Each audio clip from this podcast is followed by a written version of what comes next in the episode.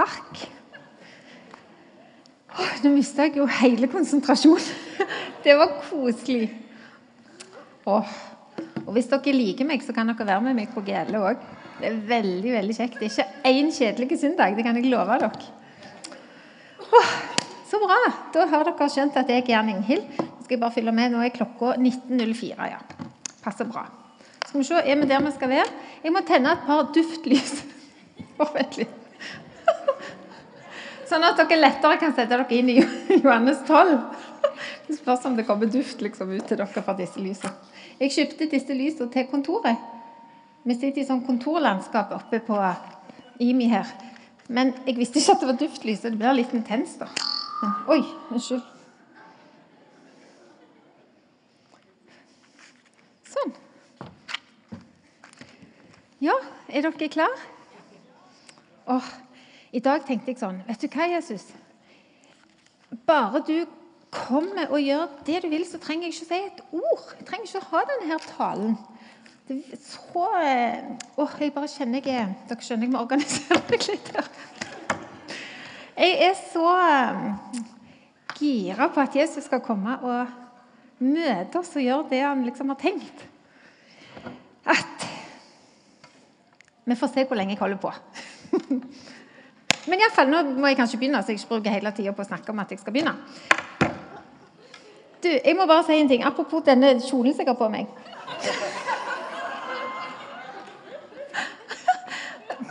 Jeg så altså et humorprogram på TV. Jeg ser en del humorprogram på nrk.no, for jeg får det jo aldri med meg når det går. Og Der var det en sketsj da, med ei veldig snurpete, snerpete Snurpete dame. Så de liksom hadde lagd en figur, og hun brukte akkurat denne kjolen. Og jeg liksom forstørra alt jeg kunne. Er det min kjole? Ja. Men jeg bruker den for det, da. Ja. Det var nå det. Er det noen som har glede av at vi går gjennom Johannesevangeliet for tida? Det var ganske mange. Fantastisk.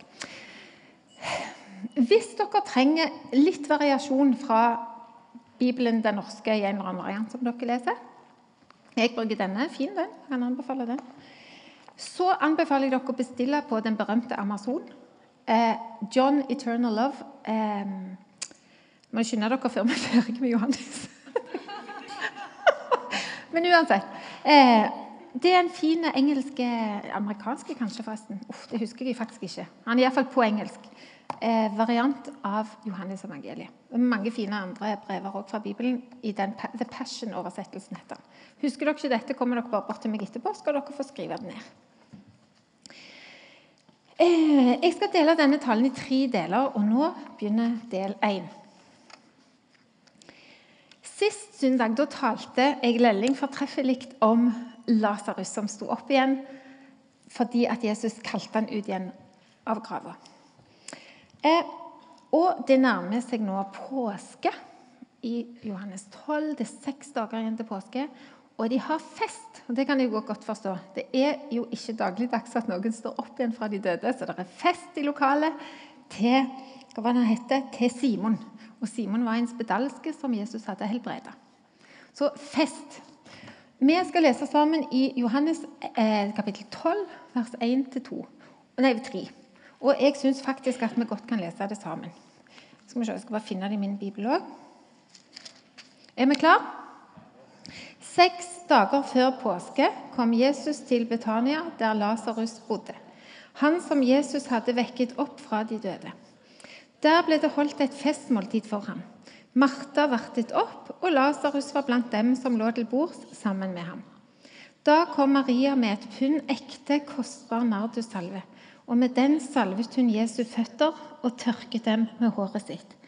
Hele huset ble fylt av duften. Denne her salven som hun salva Jesus sine føtter med, den var knall eh, eksklusive og kjempedyre og lukta veldig godt og veldig sterkt. Og Det tilsvarte ca. mener de, en årslønn. En årslønn for sånn 300-400 gram av denne salven som hun brukte. Og Denne eh, salven den kommer fra et sted ved foten av Himalaya, oppe i Nord-India en plass. Eh, og den blir lagd ut av roten av en nardusplante. da. Og den lukten og den salven og den parfymen ble forbundet med konger. Og når jeg leste det, så undra det meg, og så tenkte jeg seks dager før påske. Etter dette begynte det jo å skje ting, og Jesus ble tatt til fange osv. Og, så og jeg lurer på om de som eh, mishandla Jesus, og de som til slutt hang han på korset, om de ikke fortsatt kjente lukta av Jesus sine bein og tenkte konge. Det lurer jeg meg på. Om de tenkte på det, om de, om de kjente det. Det er så utrolig lite Gud gjør som er tilfeldig. Når hun Maria kom på å bruke akkurat denne nardussalven som hun hadde hjemme, så er det ikke tilfeldig. det hele. Gud holder på med ting med en plan og med en dypere mening. og Det syns jeg er spennende å tenke på òg i våre liv. Når vi opplever ting og tenker på ting, så er det ofte ikke tilfeldig. Jesus sa at Maria hadde spart denne her salven. Og jeg undrer meg videre på om hun visste at dette skulle bli brukt til hans gravferd. Jeg lurer på om hun visste det. Jeg tenker hun må ha, Hvis hun har gitt en hel årslønn, som for Maria var på en måte hennes forsikring, det var familiearven til hun, det var det hun hadde å leve for videre. Hvis hun har gitt den til Jesus Jeg tenker En hel årslønn, eller det du får eller tjener i løpet av et år, det er, nest, altså, det er nesten ikke til å tro at hun brukte den på Jesus. Og da tenker jeg, Visste Maria hva den skulle brukes til? Hun må ha elska Jesus så høyt. Jeg vet fordi at jeg lever nå, at Jesus døde og sto opp igjen.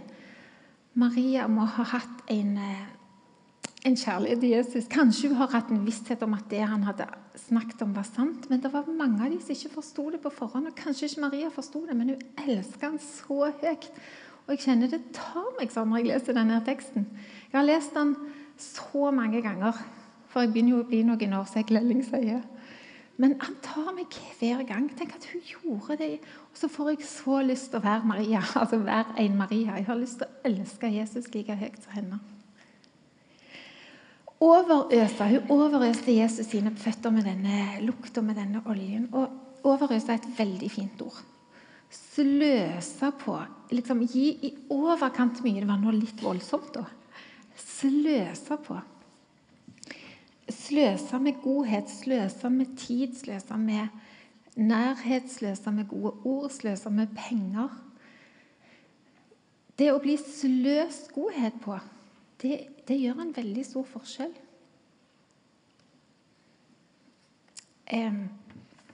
Jeg vet at noen av dere har hørt denne talen før, for jeg hadde den jo i formiddag òg, så dere lever med det. Nå skal jeg fortelle noe jeg fortalte da òg. Altså, jeg vet hvem Brad Pitt er. Og så er Han gift med Angelina, så husker jeg ikke helt etternavnet hennes. Jolie. Jolie, Jolie, Jolie Det er ikke hun. Men iallfall. Eh, jeg leste at eh, hun hadde, hadde skrevet i en eller annen avis Det er det som skjer når du er inne på nettet. vet du. Så leser du, og så går du videre, og så går du videre, og så holder du på en stund. Eh, hun, hun, hadde vært i veldig dårlig form. Hun var dårlig. Hun hadde Eh, hun var nyoperert, hun var, det var mange unger de hadde, hun hadde reist og hun hadde betydd noe for folk i andre land osv. Så, videre. så hun var rett og slett utafor og ikke spesielt kjekk å leve med, skrev Brad Pitt. Eh, så bestemte han seg for hun der dama der hun er gift med, hun vil jeg overøse med godhet. Hun vil jeg overøse med godhet. Så han hadde bare liksom I Stavanger sier vi 'drylt på'. drylt på med godhet. Og etter en stund så skjedde det en forandring. Både med han, som han sier, og med henne og med de. Og Jeg vet at de er kjendiser, og historien deres vet jeg ingenting om, og mening ingenting om. Jeg har mer enn nok med å passe på meg sjøl. Men folkens, eh, det sa meg noe om at wow, det er sterkt og virkningsfullt å overøse folk med godhet. Og det var det Maria gjorde med Jesus. Når vi sløser tid og oppmerksomhet på Jesus er det noen da så opplever vi da at noen av og til hever pekefingeren og sier det var noe voldsomt. Og så han her eh, ene som sa 'Herlige London, det skulle dere brukt til de fattige heller'. Når vi bruker mye tid med Jesus, opplever vi at noen hever pekefingeren og sier 'Hvorfor i all verden er det?' Da vi må heller begynne å jobbe der det trengs, der trengs over hele verden trengs det hjelp. Det er ikke så veldig ny problemstilling, egentlig. hver tirsdag vi bønn og lovsang i kapellet. Eh, og det er en sånn kveld der det ikke blir gjort noen styrevedtak, ikke skrevet så mange referat som jeg vet, ikke tatt noen strategiske beslutninger. Det er ikke sant. For det gjøres jo i det åndelige når vi lovsynger Han. Så, men, men, ikke sånn at vi skriver det ned, iallfall. I, sånn, I sak nummer 1, 2, 3. Men det er bønn og lovsang der vi kommer sammen, og så er vi med Gud. Og den kvelden der står altså så mye kamp. og dere skulle bare visst, Enten er det noen som trenger noe på jobb eller hjemme de der tirsdagene der. Jøye meg vel. Og Det er en sånn plass der vi sammen folkens, har mulighet hver tirsdag kveld til å komme sammen og sløse og overøse Gud. Og så deler jo han sitt hjerte tilbake igjen med oss. Det er så spennende. Er viktige møter viktigere enn å være sammen med Jesus? Jeg, jeg lærer så mye av den dama i Johannes 12. I perioder av livet mitt så har jeg eh, trengt å stå opp veldig tidlig for å få tid med Gud. Og selv om jeg er en ekstrovert person og snakker mye og fort Snakker jeg for fort? Snakker litt fort. Så trenger jeg å være mye alene. Eh, og for å få være nok alene, så har jeg igjen etter jul begynt å stå opp eh, ganske tidlig for å være sammen med Jesus. Og da er jeg først sammen med Jesus, og så ber jeg. Og det er, altså, det er nesten sånn at jeg blir helt Hvis noen antyder at de òg skal stå opp tidlig, så tenker jeg nei, nei, nei, da vil jeg stå opp enda tidligere. fordi at den, den tida med han er så verdifull for meg. Um, og jeg merker Jeg kunne fortalt historie på historie om at jeg møter utfordrende omstendigheter på en annen måte. Um, jeg blir ikke så stressa. Uh, jeg opplever at omstendigheter forandrer seg, og jeg opplever at på mine kanskje mest krøllete dager så bruker Gud meg allikevel. Og han gir folk et ord gjennom meg, så jeg tenkte det var iallfall ikke meg. Eh, og i tillegg så får jeg tid til å be. Eh, og for meg har det blitt et, sånn et sted der jeg får eh, på en måte sløse med tid og, og samvær med Jesus. da. Og nå sier jeg ikke Jeg sier, sa dette på G11 Jeg vet at noen av dere av dere har sånne hoder som gjør at dere tenker å nei, må vi òg gjøre det? Hvis ikke så er vi liksom ikke kristne nok. Det er ikke det jeg sier. Det er et vitnesbyrd om at, at det, å være sammen med Jesus gjør at en bare ikke får nok. på en måte. Og Samme for meg hvordan dere gjør det, men det er bare et vitnesbyrd for meg. Så nå er det ikke sånn at dette er ikke et skjult budskap om at dere også skal stå opp tidlig om morgenen. Men i dag leste jeg selv sjøl i min egen stille stund i, fra Apostlenes gjerninger. Og Der sto det at mellom påske og pinse, og der er vi jo nå i året, så møttes disiplene trofast, og de ba sammen. Og Der var også, der sto disiplene pluss Maria, hun som salva føttene, og de andre eh, kvinnene òg kom sammen og ba. Hvor mange av dere så War Room før, før jul? Mange så den. Det er en film om bønn.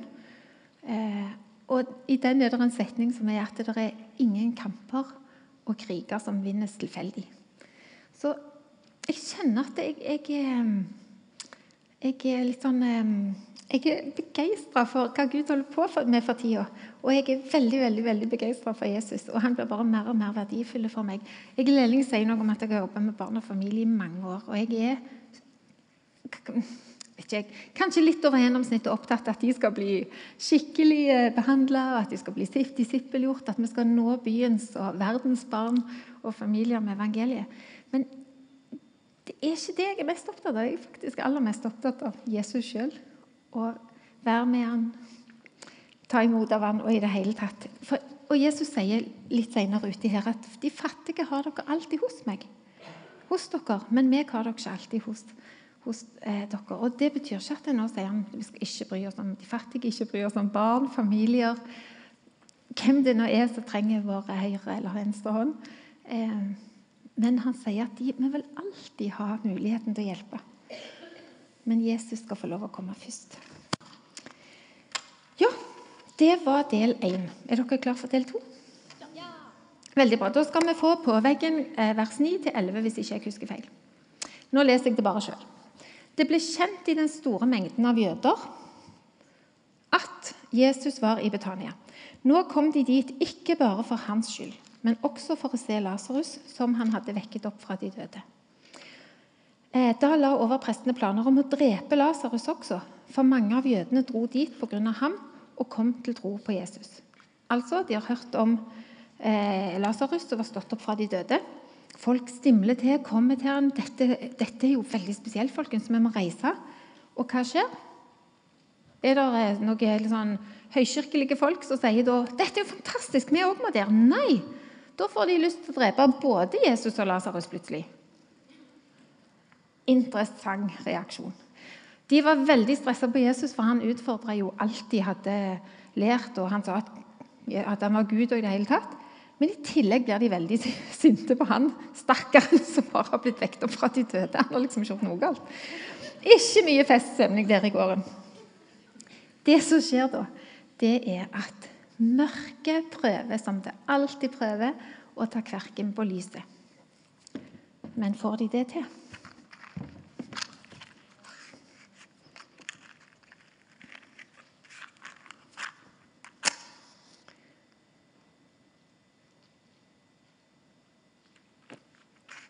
Det tegnet der på det lyset Jeg er jo ikke prest. Er det Istus eller Kristus? Ja, det er iallfall Kristus. Um, mørket prøver alltid å vinne over lyset. Døden prøver alltid å vinne over livet. Men de gode nyhetene er at det har ikke sjans. Det har virkelig ikke sjans. I påsken så var jeg på ei hytte uten strøm. Og der eh, på langfredag, eh, da, når det ikke er strøm på hytta, så tenner det jo mange stearinlys. Så gikk vi gjennom lidelseshistorien til Jesus, og så blåste vi ut lys for lys i den eh, hytta mens vi gikk gjennom historien. Eh, og så er det da en fem og et halvt år gammel jente som sier mens, altså, Vi hadde ikke snakket om det på denne måten, men plutselig sier denne jenta Det er jo Jesus som er verdens lys. Det var han de prøvde å ta å slukke helt ut. Men de fikk det jo ikke til. Vi, vi slukte alle lysene, og etterpå tente vi ett lys som, eh, som, illustrerte at Jesus ikke lot seg slukke ut. Men det var en sånn aha-opplevelse. Ja, det er sant. Døden og mørket prøvde å ta kverken på lyset og på Jesus. Jesus sier han er verdens lys, men de, får det faktisk, de fikk det ikke til. Og de får det ikke til. Og Disiplene skjønte ikke hva Jesus sa når han forklarte at han skulle dø og stå opp igjen. Men det er av og til noen barn som skjønner mer enn oss voksne. Og når vi ikke syns det er så lett å tro, la oss følge med litt hvordan barna tror, og hvordan de tenker, og hvordan de spør, og hvordan de lurer, og hvordan de finner sine egne løsninger, som veldig ofte er inspirert av Den hellige ånd. Veldig ofte er han inspirert av Den hellige ånd. Vi voksne kan streve, og ungene er på mange måter veivisere i å tro Lasarus ble vekt opp fra de døde. De hadde fest. Jesus ble overøst med kostbar og velluktende salve. Overprestene ville drepe de begge to. Og hva gjør Jesus? Han finner seg et esel. Og så sier han, 'Ikke vær redde'. Ikke vær redde. Han sier, 'Se, din konge kommer ridende på en eselfole'. Vet ikke med dere, men syns dere det hørtes veldig betryggende ut? Her vil altså overprestene med alt det de geistlige og liksom hele den maktgjengen ville drepe Jesus. og Bare ha det på litt til. Og så sier Jesus, 'Vær ikke redd, datter', sier han. 'Se, din konge kommer ridende på en eselfole.' Veldig spesielt. Og jeg tenker, det er så typisk Gud å gjøre det på sin måte. Ikke i vogn og ikke med hest og ikke med da, da, men på et esel. Gud tar seg som alltid friheter. Da som nå. Og hvem er det Gud utvelger? Er det de store og sterke? Er det hestene blant oss, eller er det eslene blant oss? og Jeg er et esel ikke bare pga. det at jeg ikke er så stor og sterk, men fordi at jeg er grusomt sta, ifølge familien min. Ja, Men det er fint å være et esel. Clouet er Jesus er fredsfyrsten. Han kommer ikke for å krige, han kommer for å gi fred. Og Det er veldig få symboler i Bibelen som er tilfeldige. Palmegreinene som de veifta med, kommer fra palmer som vokser i ørkenen, som vokser i de mest karrige miljøene, som allikevel over, si, overvinner miljøet sitt og triumferer og et symbol på seier over død. Og nå skal jeg lese et fantastisk ord fra Johannes' åpenbaring. For folkens, en vakker dag så skal vi feire en evig palmesøndag. Ikke tull engang. Hør på dette her i åpenbaringsboken, kapittel 7, vers 9.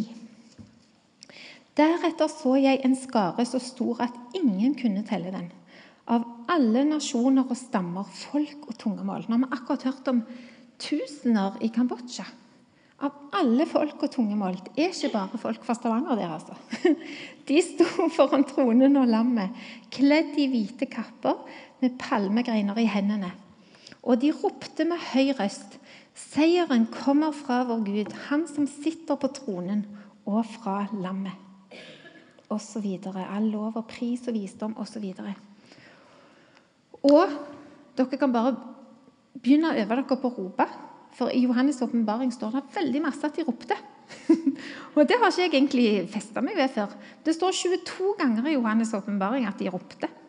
Så det er ikke alltid sånn finslikt og rolig. Og hvis noen sier dette, Da skal dere få et gratis parentes av meg her. Hvis noen sier dere trenger ikke rope fordi at Gud er ikke tunghørte, ikke hør på de som sier det. Bare slutt å høre på hvis, det, hvis dere har hørt det. da. Jeg vet at det er mange som har hørt akkurat det. Trenger ikke gjøre så mye av deg.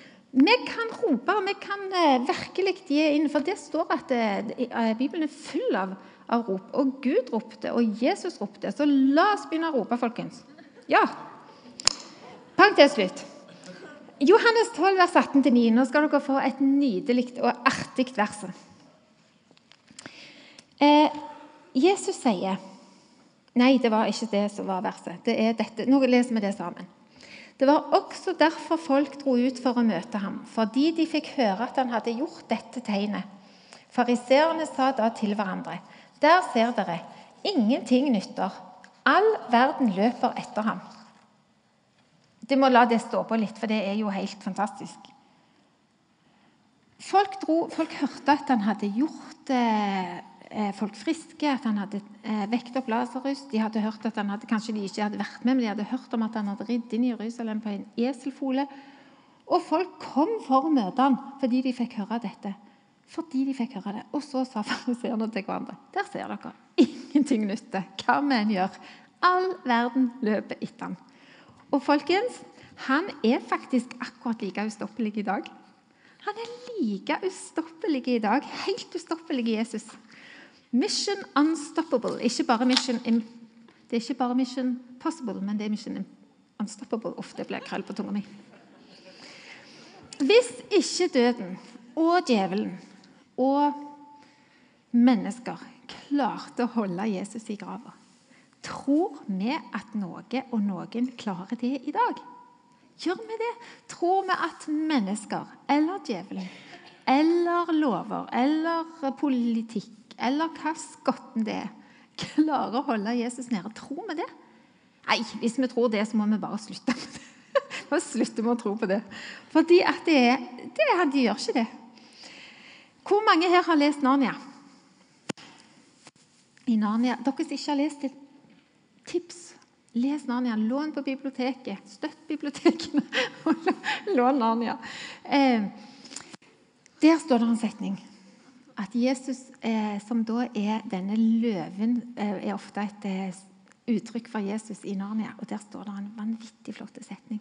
Og Det er at løven er god, men ikke Ja. Jesus er god, men han er ikke tam. Vi får han ikke til å passe inn i våre bokser. Vi kan bare, bare slutte med det, for vi kommer ikke til å få det til. Og jeg tenker, Lærer vi noen gang? Vi blir, vi blir jo overraska i dag òg når vi hører om ting.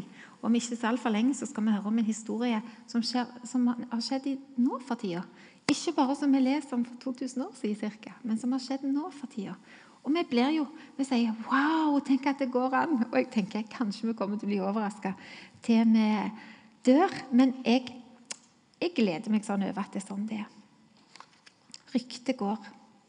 Jeg lurer faktisk på om jeg skal gjøre det nå. jeg, Noren. Nå har jeg lyst til at dere skal ta imot ei veldig veldig flott dame med et stort hjerte og et lyst hode. Hun heter Norun Bakkebø. Og du var veldig fin i dag, Norun. Tusen takk. Er dere enige hun var fin? Tusen takk. Norun, du var faktisk på tur denne uka Ja, til Langesund. hva, hva skjedde der, og hva hørte du om der? Eh, litt forskjellig. Ja. Eh, eh, vi var en god gjeng fra IMI som reiste til Langesund fordi at vi hadde hørt noen rykter. Og det jeg forteller nå, det er på en måte sånn som jeg husker det. For jeg har ikke møtt personlig de personene det gjelder. Men jeg hørte vitnesbyrdet. Eh, og jeg er sånn av person at jeg elsker å fortelle om det som Gud gjør.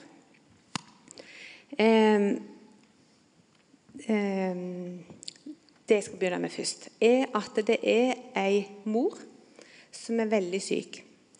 Eh, hun har eh, fått lungekreft, en hissig lungekreft. Hun er sterkt angrepet. Hun har òg kreft i hodet. Hun ligger på sykehuset eh, og ligger der i koma. Sønnen får beskjed om å komme til henne nå. Han spør kan ikke komme i morgen. Nei, du må komme i dag. Hvis du vil møte henne før hun kanskje reiser sin vei, eller ikke er her med lenger. Eh, han bor på Vestlandet. Hun er på sykehus i Skien. Eh, reiser av gårde, kommer til sykehuset eh, og inn på sykerommet. Eh, mens han er hos henne eh, Det skjer en del ting i forkant av dette, her, men det forteller jeg ikke nå. Det får dere eventuelt spørre meg om etterpå. Men hun er på sykehus, han kommer på sykehuset. Eh, går bort til henne, og så sier han Tusen takk, mamma, for at du er ver- verdens beste mamma.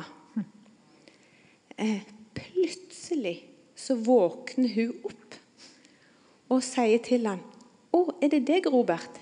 Jeg skal ikke dø lenger. Jeg skal leve.'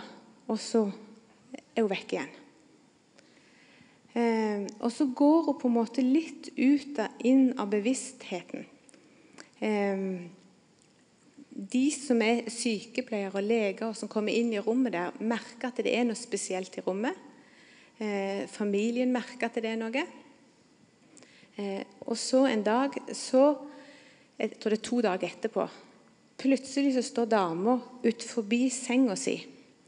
Hun har, ligger i sykehusseng med sånne sengekanter på. Hun står ut forbi, der våkner hun opp.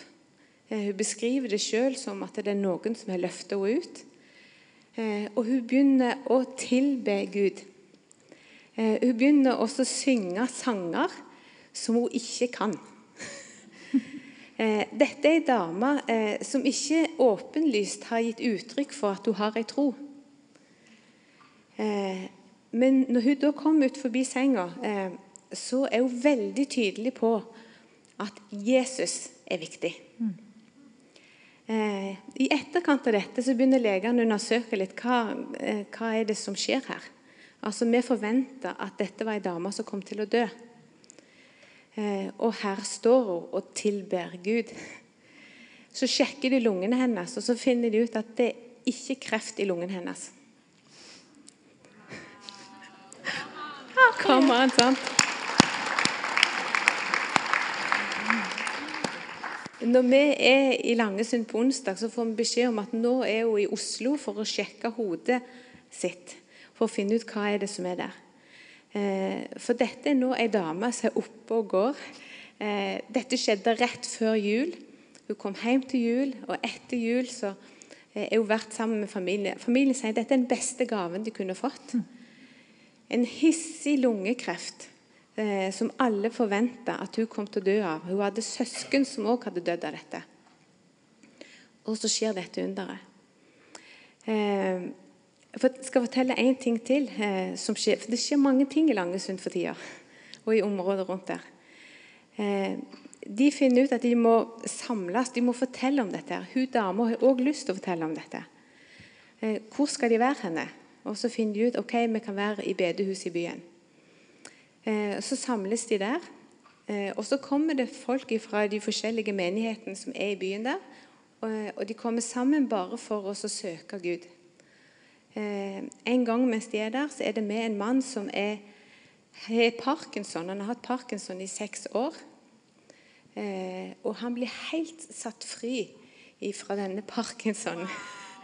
Altså dette her er jo da, altså Parkinson skjelver skjelve, masse bevegelser og sånt. Han klarte ikke å drikke kaffen sin sjøl fordi han bare sølte. Og han blir helt rolig. Fantastisk. Fantastisk. Ja, sant? Takk, Jesus, sier Maria. Fantastisk. Eh, altså, De skulle male bedehuset, og det er han som teiper rundt vinduene og maler vinduene. Wow. Og altså, Normalt så ville han ha teipa seg sjøl inn av denne teipen fordi at han har kontroll over sine bevegelser. Wow. Wow! wow. Ok, nå kan du få se. fortsette.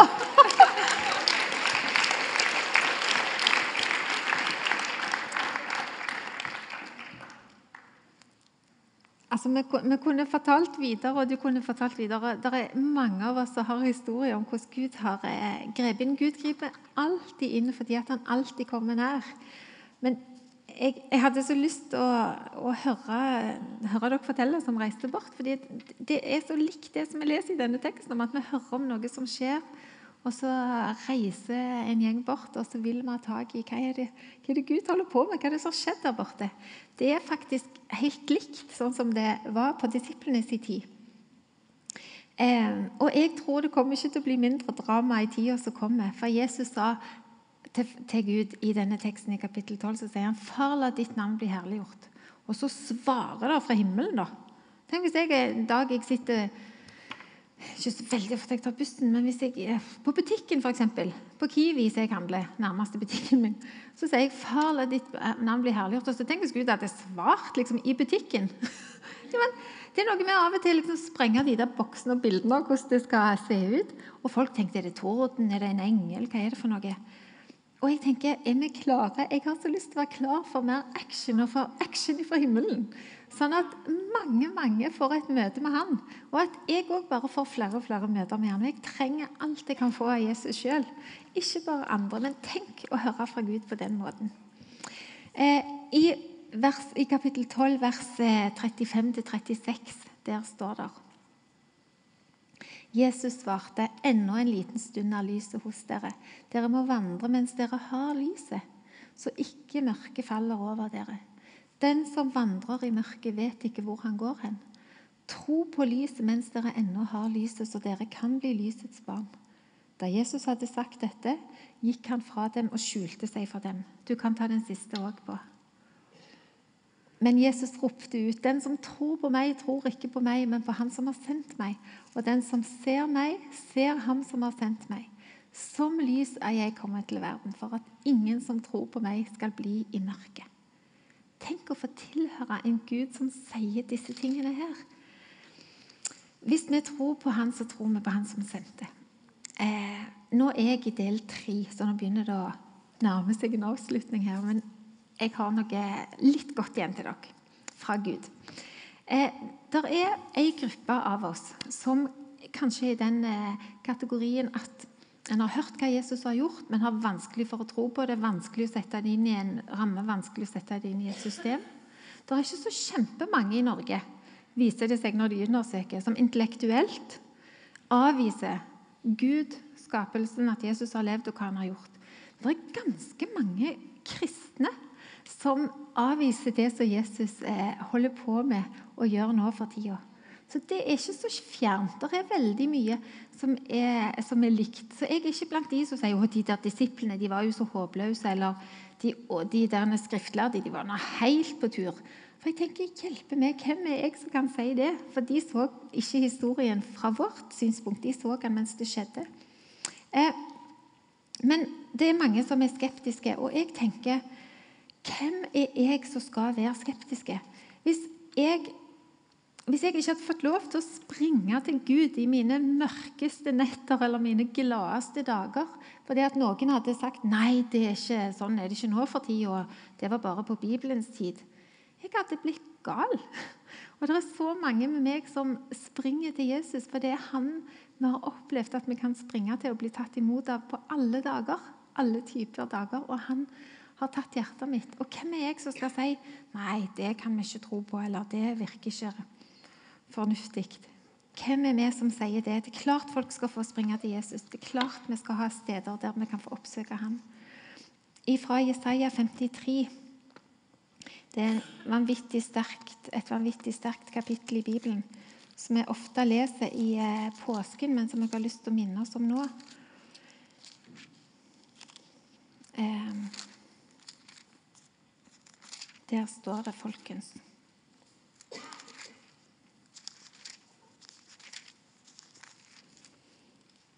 Hvem trodde budskapet vi fikk? Hvem ble Herrens navn åpen, arm åpenbart for? Han skjøt opp som en spire for hans ansikt, som et rotskudd av tørr jord. Han hadde ingen herlig skikkelse vi kunne se på, ikke et utseende vi kunne glede oss over. Han var foraktet, forlatt av mennesker, en mann av smerte, kjent med sykdom, en de skjuler ansiktet for. Han var foraktet, vi regnet ham ikke for noe. Sannelig våre sykdommer tok han. Våre smerter bar han. Vi tenkte han har rammet slått av Gud og plaget. Men han ble såret for våre lovbrudd, knust for våre synder. Straffen lå på ham, og vi fikk fred, og ved hans sår ble vi helbredet. Om vi trenger helbredelse i hjertet, i fysisk eller psykisk forstand, eller i kropp eller sjel eller sinn, så blir vi helbredet fordi at Jesus har gjort det ferdig for oss. Og vi trenger aldri å være alene. Den andre gruppa er de som egentlig trodde på det han sa og gjorde, men som feiga ut fordi de ikke ville bli sett ned på av de smarte, av de skriftlærde, av overprestene osv. Jeg vet ikke om det er alderen eller hva det er for noe, men, men nå bryr jeg meg veldig mye mindre og tenker at jeg er så stolt over å tilhøre Jesus. Jeg er så stolt av det. Så det er bare gled dere til dere blir så gamle som meg. Men jeg tror ikke dere trenger å bli så gamle for å være der. Jeg lærer av dere som er yngre enn meg, og jeg lærer av dere som er eldre enn meg. Og vi lærer av hverandre. Men denne mannen og denne Bibelen, det er en grunn til at det av og til koster litt å ta den fram, denne Bibelen. Den vil aldri bli nøytral, folkens, for der står det om en konge som ble salva med den dyreste olja. Der står om en konge som ble som et hvetekorn i jorda for å dø. Der står om en konge som reip et esel. Der står om en konge som ikke lot seg stoppe av et lys, som ikke lot seg eh, blåse ut. Så det vil aldri bli nøytralt. Jeg, jeg ber til Jesus om at jeg ikke skal være så opptatt av at folk syns jeg er smart eller lur. Jeg syns jo det er smart og lurt å fylle han, men jeg, jeg prøver ikke å være så opptatt av hva folk syns om det. Men av og til så koster det meg noe. Det gjør faktisk det. Jeg er ikke bedre enn det. Men han holder ut med meg. For i den tredje gruppa var de som fulgte ham, som dro etter ham, som gikk for å se når de hadde hørt, sånn som vi hørte om i stad, som en del reiste bort til Langesund nå. Det var folk så, i den gruppa som virkelig la egget gang på gang, og ikke skjønte bedre gang på gang. Men de visste at de ville være der Jesus var.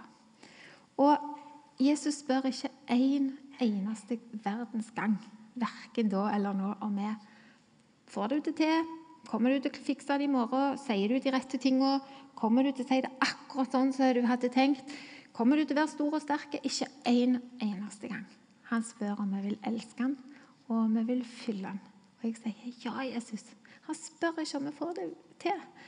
Han vil faktisk vaske beina våre til oss som vil fylle han. Klart jeg vil fylle Jesus. Virkelig ikke pga. Eh, min prestasjon, men pga. min relasjon til Jesus. Virkelig. Av Guds nåde. Siste ting, folkens. Johannes 22, nei, 12 viste verset i stad. Jesus sa det som pappaen sa til ham. Og det, Sånn er det med oss òg. Verken mer eller mindre. Det er faktisk egentlig ikke verre enn at Jesus sier 'tro på meg', sier han, så viser han til et lys og sier 'tro på meg'. Når vi ser det der lyset som står der og skinner, så det, trenger vi ikke å tenke 'Å, jeg må få det til'. Vi kan bare si 'Ja, jeg vil tro på deg, Jesus'. Jeg vil tro på deg. I går satte jeg med, med sjøen. Um, for å blå, jeg gikk en liten tur for å blåse ut hodet litt. Så satte jeg meg med sjøen på en benk. Jeg bor sånn at det er en, ikke så langt fra sjøen, så det er en benk helt attmed der. Så satte jeg meg litt der, og så bare Å, dette var litt godt. Og så opplever jeg plutselig at Jesus sier du, kan det greit at jeg setter meg på sida av deg. Ja, ja, vær så god. Liksom. Og så gjør han det som han ofte gjør. Da styrker han meg, og så sier han gode ting til meg. Han minner meg kanskje på et bibelord eller et eller annet. eller han bare... Jeg liksom har en samtale med han inni hodet, og så utfordrer han meg. Og det er også typisk Gud. Han elsker meg og anklager meg ikke, men han snakker til meg og ser meg og styrker meg, og så utfordrer han meg. Og jeg er ikke ferdig med den utfordringen, og jeg får stadig nye samtaler med Jesus. Der skal vi få leve. Typisk Gud å gjøre det på sin måte av kjærlighet. Nå, folkens, la oss takke og be. Kjære, gode Jesus. Takk for at vi skal få senke skuldrene og slippe å gjøre det så himla komplisert. Takk for at vi skal få tro på lyset, og at du vil la det lyset skinne. Om vi lever lenge eller kort på denne jorda, Jesus, så takker jeg deg sånn for at du aldri, aldri, aldri lar deg blåse ut av mørket eller av døden. Og at når vi senker skuldrene våre Jesus, og tror på deg og følger deg og elsker deg, så har vi nok. Vi har nok, Jesus. Far, jeg ber om at du skal åpenbare Jesus for oss på ny. Jeg ber Helligånd om at du skal åpenbare Jesus for oss på ny, som er hver og en der vi sitter eller står eller ligger framover denne kvelden, får et møte med deg. Herre, du som elsker så inderlig, inderlig mye og høyt, og som aldri spør om vi kommer til å få det til, men du spør om vi elsker deg. Og det gjør vi, Jesus. Vi elsker deg, enten det er ufullkomment eller det er mye eller lite. Kjære Jesus, kom og vær oss nær og vis deg, og vis oss deg sjøl, Jesus, resten av denne kvelden.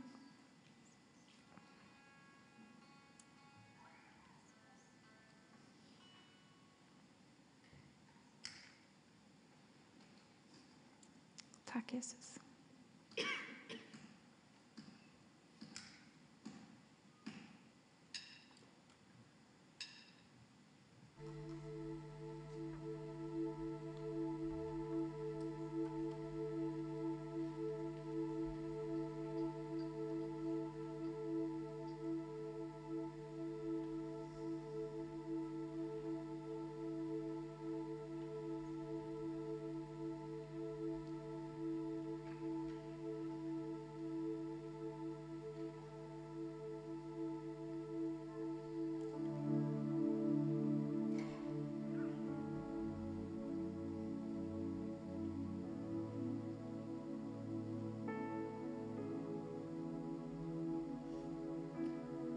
Far, jeg ber om at du går rundt til hver enkelt av oss, her og viser oss at du, du er faktisk sønn av Gud sjøl.